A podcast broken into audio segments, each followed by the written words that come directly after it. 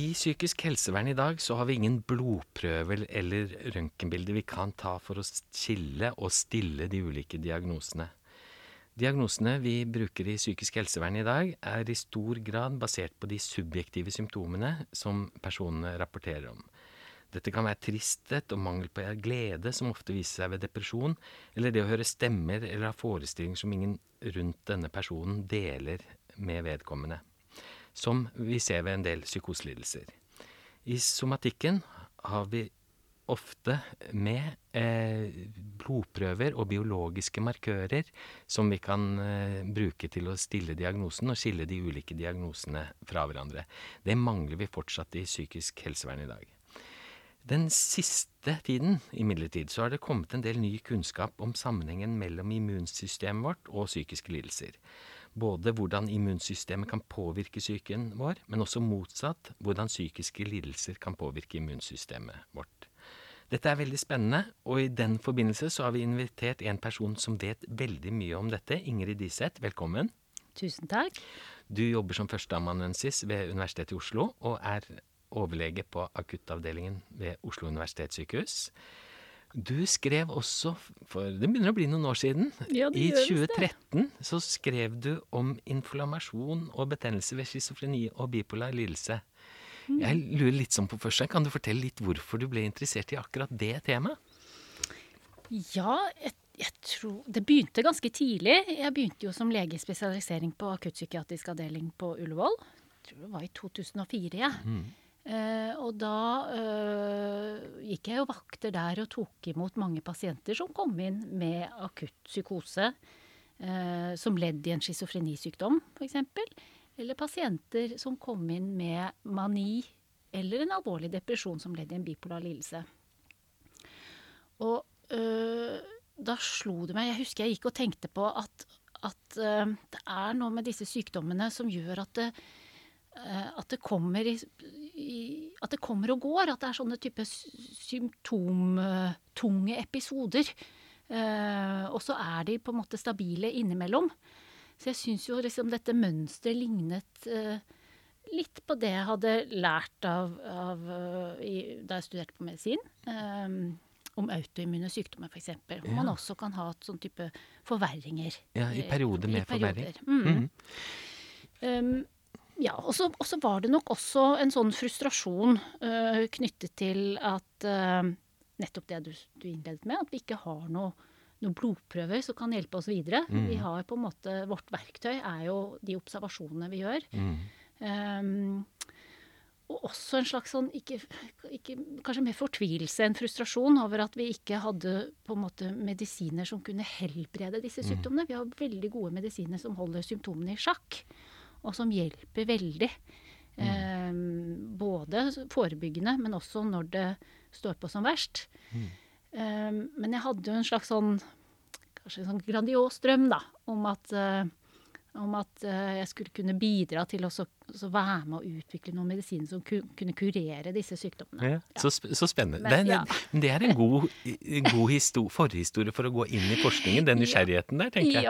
Ja, det er det. Og så så jeg jo det at de, at de uh, utlyste en sånn uh, Det som den gang het D-stilling, en sånn kombinert forsker- og legespesialiseringsstilling på Norment. Mm.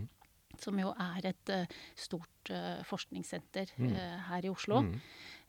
og som har, allerede da hadde gjort veldig mye god forskning mm. på både schizofreni og bipolare lidelser. Så søkte jeg på den, da. Og fikk den. Og fikk den jobben. Og disputerte i 2013. Det stemmer. Mm. Mm.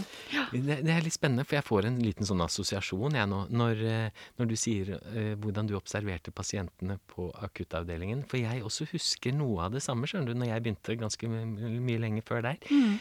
Jeg husker Det var spesielt uh, personer med en bipolar lidelse som kom inn, og var kanskje i en manisk fase. Mm. Og etter ganske kort tid så kunne de bli deprimerte. Og så, eh, Da var de ofte litt lenger inne enn de er i dag. Eh, og så kunne de gå opp i en manien. Og jeg husker jeg tenkte sånn at oi, uansett hva vi gjør av litt sånn eh, psykososiale tiltak på posten for å prøve å dempe og stabilisere det, så føk de ofte opp igjen i, ble hypomane maniske, eller gikk ned i en ganske dyp depresjon. Så jeg husker jeg også tenkte den derre hva, er det som styrer dette? Jeg, jeg tenkte ikke så mer spesifikt som deg at dette var noe immunologi, men at det var noe biolo biologisk her, husker jeg jeg tenkte. Mm, det, var, det var litt sånn tilfeldig. Mm. Men vi skal jo snakke om immunologi og psykiske lidelser. Eh, kan ikke du bare starte litt og si om denne sammenhengen? Hva vet vi nå om eh, hva, hva, er starten på dette her mellom eh, eh psykiske lidelser og immunsystemet vårt? Ja, altså jeg trodde jo at, dette, at jeg tenkte litt nye tanker da jeg tok kontakt med nordmenn, men det hadde jeg på ingen måte gjort, viste det seg. For dess mer jeg satte meg inn i dette feltet, så så jeg jo at, at det, altså denne sammenhengen hadde folk fundert på i mange, mange år. Allerede på 1700-tallet faktisk okay. så, var det, ja, så var det en del sånne klinikere da, som var interessert i epidemiologi, eh, som, som, tematiserte dette med det de kalte nervøse sekveler etter sånn type infeksjoner, influensasykdommer f.eks. Um, ehm, og dette er mer sånn historiske anekdoter, sånn som man har lest seg til i, et, i etterkant. Mm -hmm. Men så, ja, på slutten av 1800-tallet eh, så hadde, hadde, man jo noen sånne influensaepidemier, eller pandemier var det vel eh, også. Eh, Spanskesyken som kom i 1919-20-tallet. Der så man jo, observerte man også at mange av de som fikk influensa, eh, sleit med eh, psykiatriske symptomer. Enten da eh, uttrykt som depressive symptomer, men også en del som, uh, som er beskrevet med, med, klassiske psykosesymptomer. Mm. Som hallusinasjoner og vrangforestillinger? Absolutt, og, mm. ja. Mm. Um, ja. Og parallelt med dette så så man jo også det er masse sånn nedtegninger. Nevrosyfilis, for eksempel, er jo en mm. sånn type Det er jo en, en uh, seksuelt overførbar sykdom, og som kan manifestere seg som sånn uh, nevrosyfilis mm. ubehandlet etter noen år. Uh, man observerte at, at mennesker med nevrosyfilis fikk psykoser. Man så psykose ved malaria, f.eks. Uh, og i 1920 omtrent der så har vi på en måte de første studiene da, som dokumenterer, uh, som, som dokumenterer kliniske observasjoner. Mm. Uh, hvor man da ser en sammenheng uh, mellom infeksjoner og, og psykiatriske yeah. symptomer. Yeah. Um, det er nokså sånn hyppig sitert og kjent studie av en Menninger fra 1920. Mm. Uh, han jobbet på et sånt sykehus i Boston hvor de, hvor de behandlet pasienter med influensa som hadde psykiatriske uh, symptomer, enten i forbindelse med pågående sykdom eller i etterkant. Uh, Nokså godt beskrevet. Hvor, da, hvor, de så sant, både man brukte, hadde et litt sånn annet begrepsapparat. da, Kalte noe for nevroser, og mm. man brukte begrepet demensia uh, precox, mm, sånn. det vi i dag kjenner som schizofreni. Ja. Mm. Um, og parallelt med det så var det da en sveitsisk psykiater uh, som uh, observerte det at på hans psykiatriske avdeling så var det en sånn veldig overhopning av, av mennesker med psykoselidelse som var født på vinteren. Yeah. Um, så da begynte han å undersøke det, om det var en sammenheng mellom det å være født på vinteren, og man kan tenke seg særlig i kaldere strøk at det er høyere forekomst av influensa. da. Ja. Og oppi dette så hadde jo disse kjente Bloiler og Kreplin og sånn, de interesserte seg også for den sammenhengen eh, mellom infeksjon og da eh, psykisk sykdom. Sånn at de tenkte jo disse tankene lenge ja. før eh, 2009, da, da jeg begynte uh, på denne doktorgraden min. Så, så, så, mm. du var ikke den første? Jeg var ikke den første, nei, det må jeg innrømme. Nei, ja. Sånn er det ofte. men, men, jeg blir litt sånn nysgjerrig på sant, For uh, noen av disse uh, sykdommene du nevner, nevrosyfilis og sånne ting, det, de har jo en sånn Nå vet vi årsaken til det, på en mm. måte. Dette var en, en bakterie som, som ga de symptomene.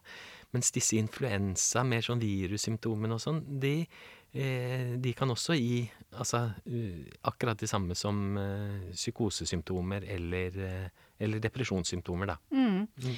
Også, ja, og hvis vi skal fortsette litt langs den historiske uh, aksen her, da, så på 80- og 90-tallet så, så, var det flere som plukket opp dette, og, og, som begynte å lete etter det ene patogenet. Ja. Eh, Hvor er den der schizokokken? Hvor er disse bakteriene? Og det kom en rekke studier da som så både på altså på, på virus, eh, CMV og, og ja, og det var flere som klarte å vise en litt sånn svak sammenheng da, mellom, eh, mellom eh, både typ rubella, meslinger, kusma, polio, vannkopper. Altså det var mye som var foreslått. Eh, og noen studier så viste en sammenheng mellom toksoplasmose. Den husker er jeg veldig veldig ja, godt. Du husker det? Ja, ja, ja. Det var jo en sånn snakkis. Ja. Mm. Er Eh, den det helt måte- avkreftet? Sa Er den helt avkreftet nå, eller hva Nei, finner man nå? Ah, godt spørsmål. Ja, ja. Eh, det er jo så sjeldent. Det kan nok på ingen måte forklare det Nei. vi ser av psykiske liksom. Det er klart ehm, Det kan vi kanskje snakke om litt senere, da. Det, man, det, det er jo på en måte ikke jeg tror ikke det er noe enkelt svar, og jeg tror det var lurt av forskningsmiljøene å gi opp den der jakten på det ene eh, patogenet, den ene bakterien eller det ene viruset. Den ene schizokokken? Den ene Ja, schizokokken, ja. Ja. Mm. Eh, så man innså vel sånn ja, utover 2000-tallet at her, dette er komplekst. Mm. Så istedenfor å så- lete etter uh, schizokokken, da, så begynte man heller da å, å, å se mer bredt på immunsystemet som sådan. Mm. Um, og da um, kom det jo flere studier eh, både på schizofreni, bipolar lidelse og dep Nå er ikke depresjon akkurat det jeg har sett Nei, nei. mest på, men, men mange på depresjon også, Mhm. som så at det var eh, en slags eh, lavgradig inflammatorisk tilstand, da, vi skal kalle det Ja. det, hos mange av disse pasientene. Ja. Og kanskje mest uttalt hos de med psykoselidelser, ja. altså spesielt av schizofreni. Mm. Når du sier lavgradig eh, betennelsestilstand, hva tenker du på da? Hva?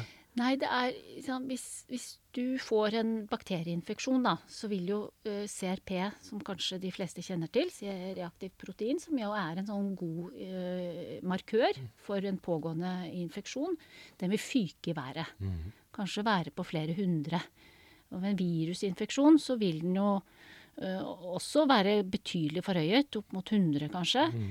Mens hos eh, disse pasientene med psykoselidelser, uh, og også bipolar lidelse, og til dels også depresjon, så så man en, en, at de hadde sånn vedvarende eh, litt forhøyet CRP. Mm. Over, altså sånn type mellom eh, tre og fem, da, som Ja. jo er lavt. Ja. Som man ikke vil stusse på ved fastlegekontoret hvis noen kom inn og tok en blodprøve og hadde Nei. jeg ville tenkt det var normalt, Mm.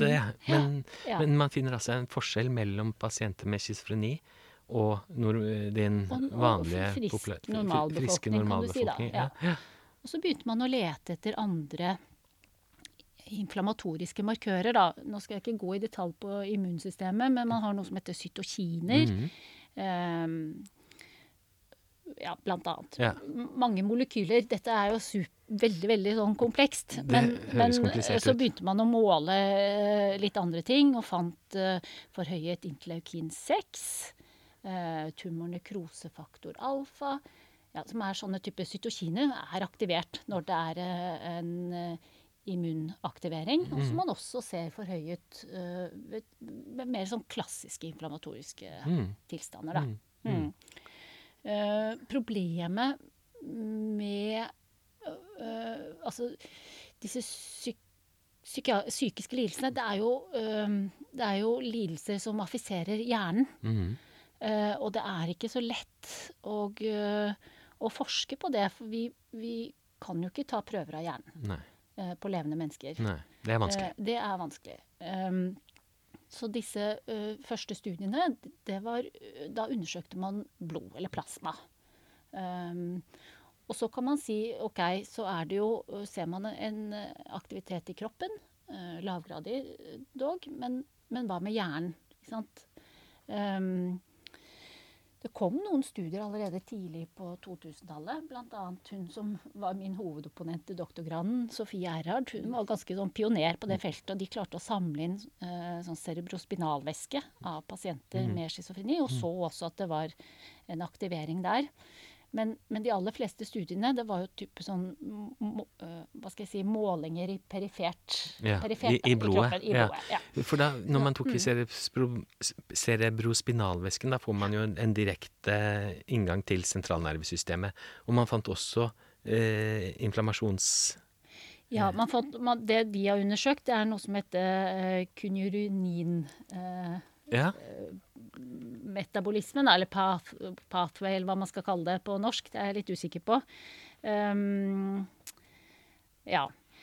Men, men så, parallelt med dette, så begynte eh, eh, også disse store eh, genetiske studiene å komme. Ja. Det som man kaller GEVAS.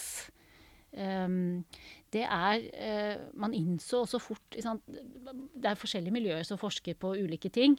eh, og de som forsket på gener og psykisk sykdom, de sleit litt med å finne det ene genet. Mm. Akkurat For- på samme måte som de lette etter schizokokken, så Nettopp. lette man jo etter det genet også, men det fant man heller ikke. Det man Det er komplekse lidelser, dette her, Det altså. er det. Mm. det er det. Mm. Og det disse genforskerne eh, raskt innså, var jo at, eh, at man måtte ha store materialer, helst flere hundre tusen individer, for å kunne si noe eh, eksakt om hvilke gener som er aktivert. Og det klarte man etter hvert eh, å samle inn.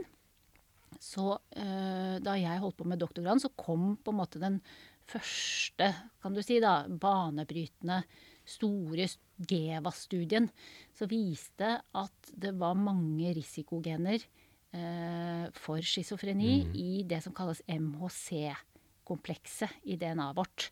Som er eh, et, et strekke da, i DNA-et eh, der det ligger mange gener som nettopp koder for disse immunmolekylene. immunmolekylene som virker både i kroppen og i hjernen. Mm. Um, alt henger litt sånn sammen, så nå tar jeg, drar jeg Ja, jeg ser det. Ja. Eller jeg hører det. Ja. Fordi dette er jo kjempeinteressant. For det var litt sånn det, det første jeg så på, Så så jeg sånne plott, kalles det, Ja. bilder på en måte. Mm. Hvor du får sånne skyskrapere eh, hvor, du, hvor, som, hvor disse genene koder for immunsystemet. Mm. Og så var det jo sånn at det man merket seg, var vel at eh, de, de genene som kodet for et eller annet i immunsystemet, de var alltid over den streken mm. og, og skilte seg ut fra de andre. Mm. At, så, så da fikk jeg den derre Oi, men dette må jo ha noe med immunsystemet å gjøre, tenkte jeg. Ja, Eh, på en eller annen måte. ja, du var ikke alene om å tenke det, Nei. tror jeg. Men så er det det sånt, øh, DNA-et er litt komplekst, og særlig det, det øh, strekket som, som man kaller som kode for MHC-molekylene, da. Det er ekstra komplekst. Så det, var, det er litt vanskelig å dykke ned i dette og yeah. finne de, de, de enkeltgenene, da, yeah. som Eh, Men så etter hvert så har man på en måte klart å, å deskifrere dette litt mer, og ser at f.eks. komplement 4 har stukket seg fram som Mm. en sånn jeg vet ikke, også altså Komplementsystemet er jo også en del av, av Immunsystemet. immunsystemet. Ja. Ja. Mm. Og, og så at uh, det stakk ekstra fram Mm. uh, og var forbundet med schizofreni. Mm. Og um, samtidig med denne utviklingen her, så, så klarte våre naboland, spesielt Danmark, da, men også Sverige og Finland, de er kjempegode på, på registre. Ja. Så de eh, har da over mange år klart å bygge opp veldig gode eh, registre på, eh, hvor de registrerer opplysninger eh, på pasienter som har hatt psykiatrisk sykdom. Um, og i rundt ja, jeg tror det var sånn 2006 jeg, eh, jeg husker det litt, for det, da drev jeg jo på med dette. Var, begynte liksom å bli litt sånn interessert i, i dette selv. Ja, ja. Eh, Så den registerstudien som kom fra Danmark, den viste jo da at, eh, at dersom du hadde autoimmun sykdom, så hadde du økt eh, risiko for uh, bl.a. schizofreni senere. Mm. Eh, etter det så har det kommet mange register. Men altså, den epidemiologiske måte, forskningen rundt dette er også litt småkompleks, kan jeg si. Eh, For eksempel så eh, ser man at det å ha reumatoid artritt, eller leddgikt eh, som det også kalles, eh, kan virke beskyttende igjen. Men sånn jevnt over så, så klarte de å, å vise at, at det øker risikoen. Altså, eh, autoimmune sykdommer da, revmatoid artritt nevnte du, Cøliaki cøliaki, ulcerøs kolitt, mm. eh, MS, eh, Alle disse Lupus. lupus og disse Det fins jo veldig mange Mm. ulike typer for autoimmun sykdom. Mm. Men når det er sagt, hvis det sitter noen og, og med en autoimmun sykdom og hører på dette, så er jo sant, dette er assosiasjoner. Det er, Mm. det er risiko, risikoen for å få schizofreni og bipolar lidelse er jo liten i utgangspunktet. den Så er, når man er jo leser at det øker risikoen så og så mye, Mm. så betyr jo ikke det at det er en, sånn, at det er en sammenheng. Nei. Og schizofreni er jo en, egentlig en sjelden Veldig sykdom. sjelden Mm. sykdom. Det er det. Mm. Mm. Um, og det samme miljøet som sto bak disse litt sånn store og stilige uh, registerstudiene. For da, da undersøkte hele den danske befolkningen, f.eks. Uh, de klarte også etter hvert å vise det at hvis du har en autoimmun sykdom og i tillegg har uh, hatt en del infeksjoner, så øker risikoen ytterligere. Yeah. Som en sånn slags sånn lineær uh, Ja. Ja, økning da, uh, i risiko. Mm. Hva med bare infeksjoner i seg selv? da? Du nevnte jo disse influensaepidemiene. Ja, den siste var jo den spanskesyken i Mm. 1920-tallet. Det, der så man også en økning i antall pasienter med schizofreni, var det ikke sånn? Ja, ja, altså de tidligste studiene Ja, Nå er jeg litt tilbake igjen, jeg. Mm. Ja, det er bra, det. Uh, man har jo egentlig mye å lære av historien. så- Man har det. Ja, det er, det er, man så jo det at at, eh, at det var eh, en økt forekomst av alvorlige psykiatriske symptomer Ja. uh, hos pasienter med influensa. Ja. Men så så de jo også at mange av de eh, ble friske igjen, da. Selv om de ikke hadde noe god behandling verken eh, mot det ene eller Nei. Tilbake da. Så så kan det være en annen type schizofreni på en måte da, enn det vi ofte ser i dag på akuttavdelingen der du jobber og sånn? Eller Ja, er det det samme? Altså, godt spørsmål. Jeg tror det med uh, disse sykdommene Det er komplekse sykdommer og veldig heterogene sykdommer. Jeg tror personlig, da Det, det her er, er, får være på min kappe. Mm. Men, men eh, jeg tror at innenfor disse diagnosekategoriene, eller disse diagnosesekkene, så er det, befinner det seg mange årsaksmekanismer. Mm, mm. Um, og uh, jeg tror vi må bli flinkere på å identifisere disse undergruppene. Ikke sant? Bare det et sånt eksempel. ja. Da jeg studerte, og sånn var det helt sikkert at du studerte Mm. så hadde du ikke hørt om autoimmun eh, encefalitter. Nei. Eh, Det var jo noe man oppdaget Ja, når var det? Var det, det var midten av to, ja. Ja. Nå går jeg litt i surr i i her, men i hvert fall etter at jeg var ferdig med å studere. Ja, ja. Um, og, og det er jo noe som man har blitt veldig klar over i dag, at, det, at en autoimmun encefalitter, det fins. Mm. Ja. veldig mange har sikkert hørt om sånn anti-NMDA-reseptorencefalitt, som jo forekommer. Og det har jo sett noen tilfeller av på akuttavdelingen. Yeah. Uh, og særlig den type autoimmun encefalitt, den kan gjerne debutere med psykosesymptomer. Ja. Men Så dette er det det jo- mange som ikke har hørt om, tror jeg, Ingrid. Du- Det du kaller en autoimmun MDMA? Hva er det du kalte det? Eh, Anti-NMDA-reseptorencefalitt. Ja. Mm. Jeg tror, hvordan vil den utarte seg? Du, du ser en del sånne på akuttavdelingen nå, eller? eller? Nei, en del. Det var jo veldig i. Ja, nei, er- nei. Vi, vi ser, altså, alle akuttavdelinger tror jeg kanskje ser noen, noen få Ja. i løpet av noen år. Det er, ikke, det, er ikke, det er også en veldig sjelden tilstand, Ja, ja. så det er sagt. Men vi må være obs på det. Vi må være obs på det, og det kommer altså, Det feltet er jo også veldig sånn i utvikling. Eh, Jeg var nylig på en, eh, en konferanse i Stockholm. Mhm. på, det, er, det er eh, en organisasjon som heter SMP, som, som har som mål å på en måte mm, eh, Ja, eh, det er sånt eh, nordisk samarbeid er det. Mm. Hvor man, man ser litt på ulike typer biologiske mekanismer. og prøver å linke det til klinikken. Det er sånn, ja. Um, ja, nå falt jeg litt av. Hva var det jeg nei, skulle si? Mm. den SCNP Ja. altså prøver å linke de biologiske mekanismene Jo, til klinikken. Jo, det var det jeg skulle si. Mm. Der, der spøkte man jo litt sånn halvveis med at det kommer nye antistoffer omtrent annenhver uke når det Ah. gjelder sånn type autoimmune encefalitter. Det var liksom å ta litt i, da. Men Ja. poenget er bare at det, man ser stadig vekk at vi Dess mer vi lærer oss om dette, eh, dess eh, mer skjønner vi at det dukker opp eh, Ja. på en måte nye potensielle eh, Undergrupper? Ja, Ja, eller undergrupper. jeg. disse. Er det sånn at sant, Vi hadde jo nevrosyfilis som ga hallusinasjoner og vrangforestillinger og negative Mm. symptomer alt sammen. Og fikk da Nå ikke da, De ville fått schizofrenidiagnosen hvis vi ikke hadde visst det. Og så Mm. snevrer vi den litt inn, er det sånn å forstå? Ved å finne disse andre eh, lidelsene og forstå de, blant annet den NMDA. Eh, eh, ja, Ja. mm. Eh, er det sånn du eh, tenker, eller? Ja, jeg tenker at altså, vi, det er interessant å se på denne gruppen. Og jeg, jeg tenker jo, når, når jeg tenker på alle de årene jeg har hatt i klinikken, at det kan jo være øh, noen pasienter som kanskje har hatt en, øh, en, en encefalitt. Mm. eh, Men som da blir lagt inn på psykiatrisk avdeling og ikke har så god respons på medisiner. Eh, Men heller få, og da kanskje får en mer sånn kronifisert tilstand. Som, vi, som kliniker så må du være veldig obs på at det finnes. Ja. Og når jeg er rundt og underviser leger i spesialisering, eh, eh, så er jeg veldig opptatt av at man skal som eh, Vi er jo psykiatere, men også leger i bunn. At vi Mm. skal mm, på en måte eh, ha langt framme i pannebrasken at kropp og hode henger sammen, og Mm. at det også kan være organiske årsaker til mm. Lidelsene. psykoselidelser og mani. Ja. Jeg leste en gang at det var, var vel 200 ulike somatiske lidelser som kunne gi psykosesymptomer. Ja, minst. Minst. tror- ja, det er altså- kanskje enda mer nå. Ja, det, ja, det er det helt sikkert. Mm. Jeg tenker altså Veldig mange eh, indremedisinske tilstander kan i hvert fall gi psykiatriske symptomer. Mm. Bare tenk på deg selv når du, får, når du har influensa. Mm. Da føler du deg nedstemt, Mm. Sliten, flat, sliten. lite energi. Ikke Ja?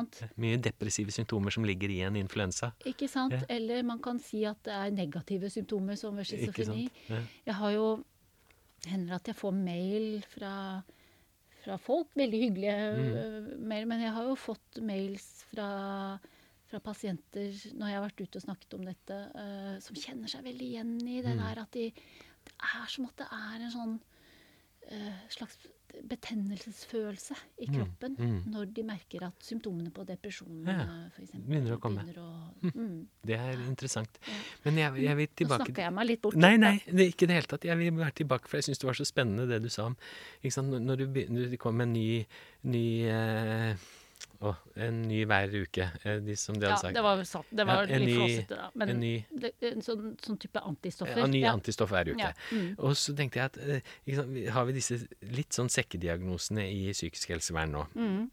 Og så eh, kan man jo tenke seg at de, etter hvert som vi får mer kunnskap, at de, de vi ikke har noen sånn klar ikke årsak, men forståelse av, da, blir mindre og mindre. Er det sånn Er du med på den tankegangen, eller er jeg helt ute nå? Ja, vi kan jo i hvert fall håpe det. Ja. Ja. Uh, og så syns jeg jo at det er uh, en økende bevissthet uh, rundt dette. Mhm.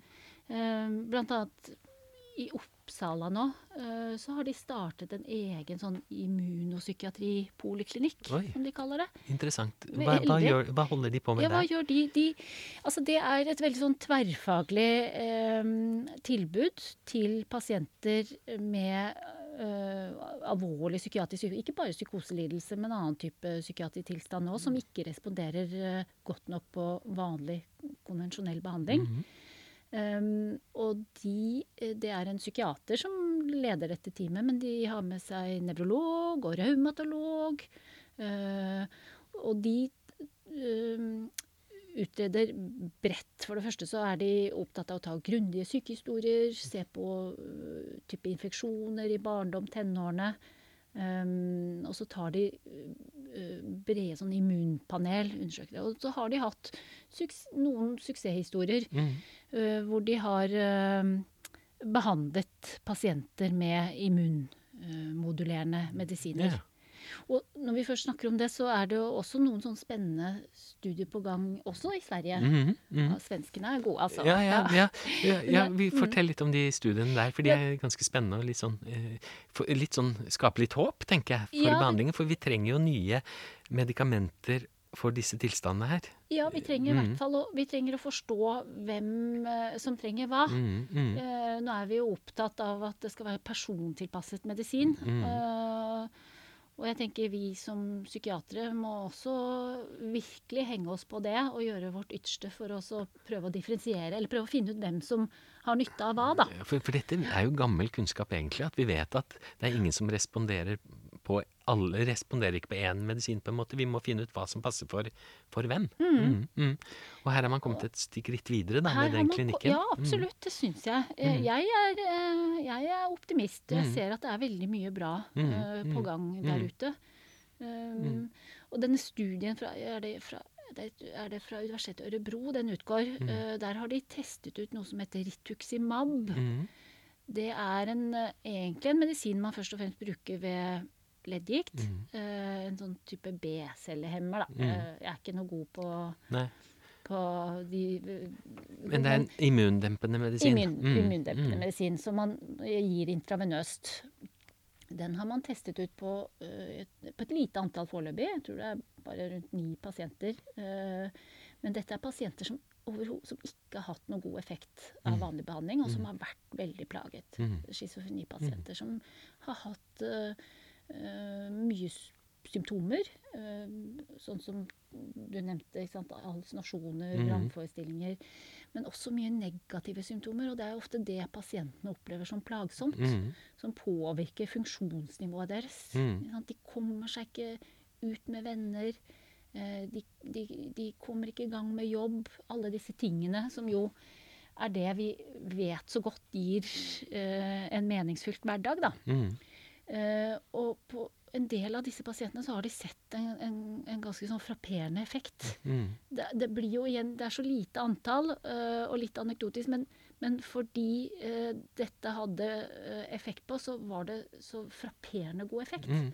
Så nå skal de Ja. Ja, Mm. nei, ja, jeg leste studien, og det var jo veldig god effekt på en del av var vel Kanskje ni pasienter eller noe sånt, som- ja. som hadde veldig god effekt på det, og de har ikke hatt da noe effekt av annen behandling som er gitt. Mm, Så det er jo det, det er lovende. absolutt. Det er, Mm. det er utrolig spennende. Mm. Uh, og såpass lovende at de skal i gang med å teste dette på flere uh, sykehus rundt omkring i Sverige. Så det kan vi jo bare glede oss til Har de da valgt ut de som ikke har respondert på tidligere I behandling? Ja, utgangspunktet så ja. ja. For det er jo mm, Man må starte et sted, Yeah. og det er naturlig da at man, man uh, velger ut de som ikke har respons på konvensjonell behandling. Mm. Mm. Ja, for det hadde vært spennende også et sett om man kunne komme til et, Dette blir jo litt Ja. inn i fremtiden, men at man kan komme til med sånn behandling ganske tidlig, da. Hvis, Absolutt. hvis vi er litt ja, behandlingsoptimister her. Ja da. Mm. Men så er det jo eh, det er viktig å, å på en måte understreke at disse medisinene det, det kommer ikke uten en kostnad. Nei. Eh, så vi må være sånn rimelig. Jeg tenker at de, når man skal gjøre sånne studier, så må man som forsker være ganske trygg på at pasienten har lite å tape på det. Mm. eh, og at, at ikke eh, altså bivirkningene, eller ulempene med bivirkningene, Mm. eh, overstiger eh, responsen, da. Eller effekten, den gode effekten. Det er viktig. Eh, ja. Mm.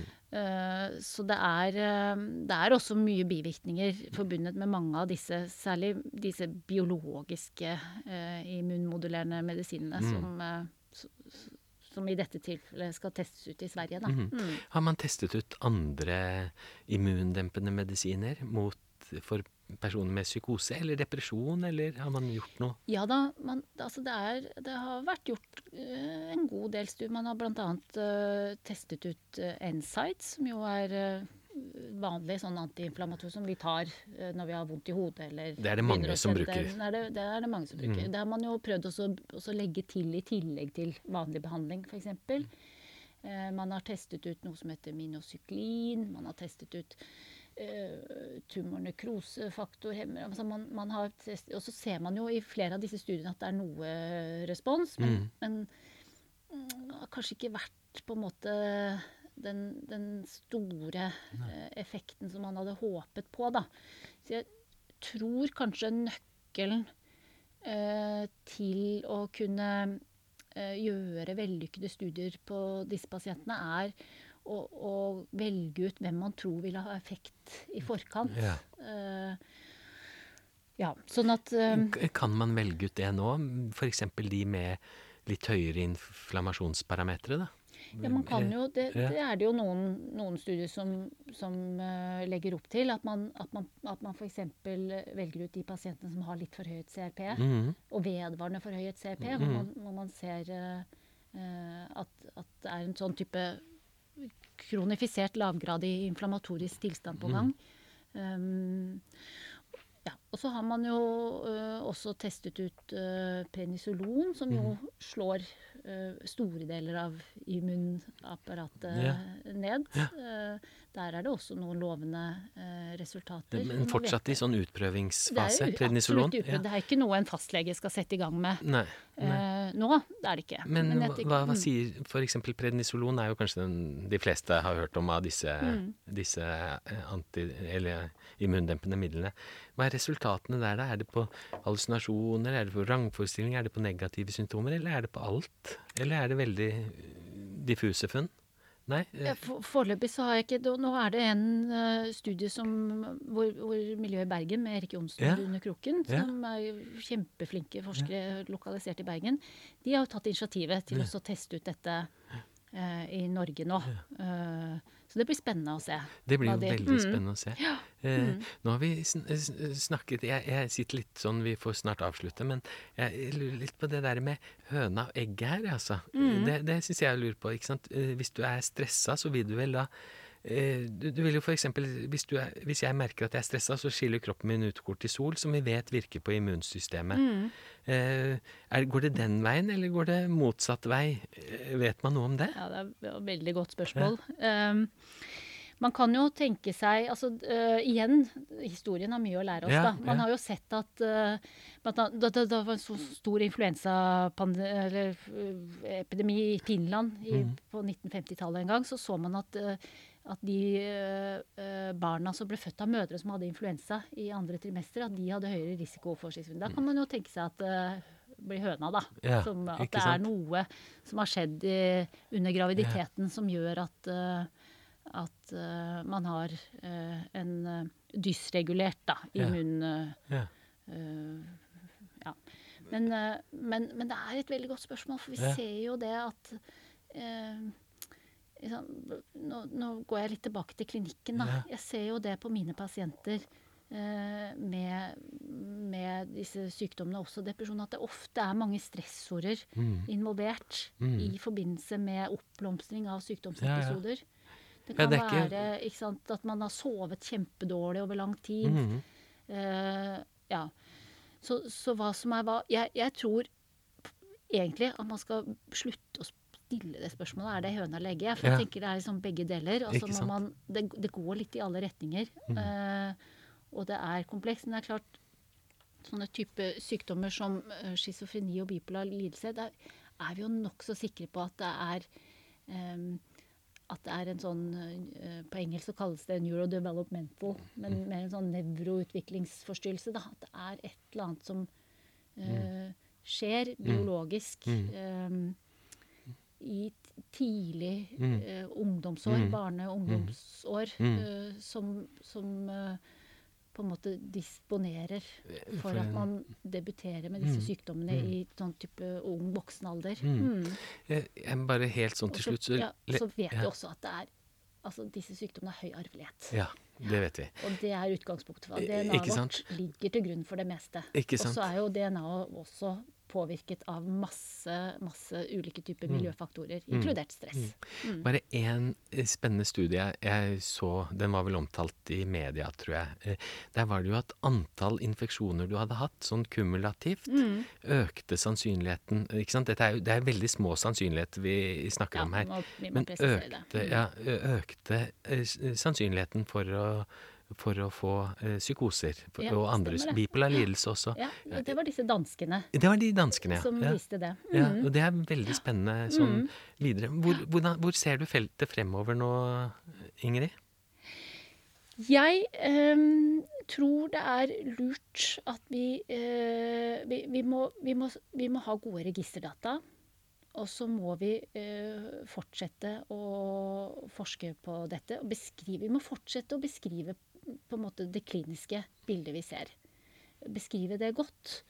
eh, sånn at vi kan linke det opp mot de biologiske funnene vi, vi klarer å, å finne fram til.